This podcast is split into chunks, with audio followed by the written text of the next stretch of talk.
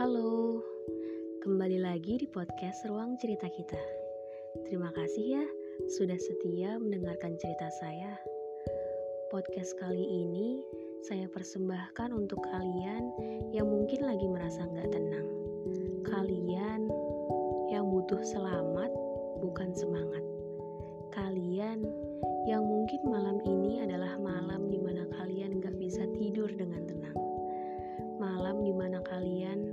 berada di ujung kepasrahan. Bertanya-tanya, menebak-nebak bagaimana hasilnya nanti.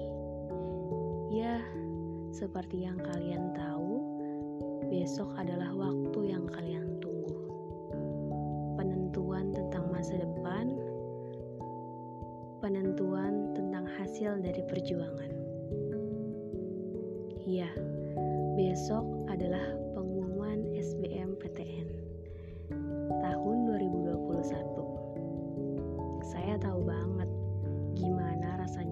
berjuang mati-matian satu tahun kemarin, bahkan dua tahun kemarin. Saya juga tahu banget, bagi kalian pejuang SBMPTN, pasti lagi fasenya kalian merasa khawatir dan optimis itu beda tipis. Gak apa-apa, saya juga pernah kok di posisi kalian. Saya pernah mengorbankan sesuatu yang berharga demi sesuatu yang gak tahu milik saya atau bukan. Saya pernah menunggu sesuatu yang sama sekali gak saya tahu gimana endingnya. Tahun lalu adalah tahun perjuangan bagi saya. Tahun yang menentukan apa yang harus saya lakukan ke depannya. Tahun yang menentukan rencana apa lagi yang harus saya susun untuk masa depan saya.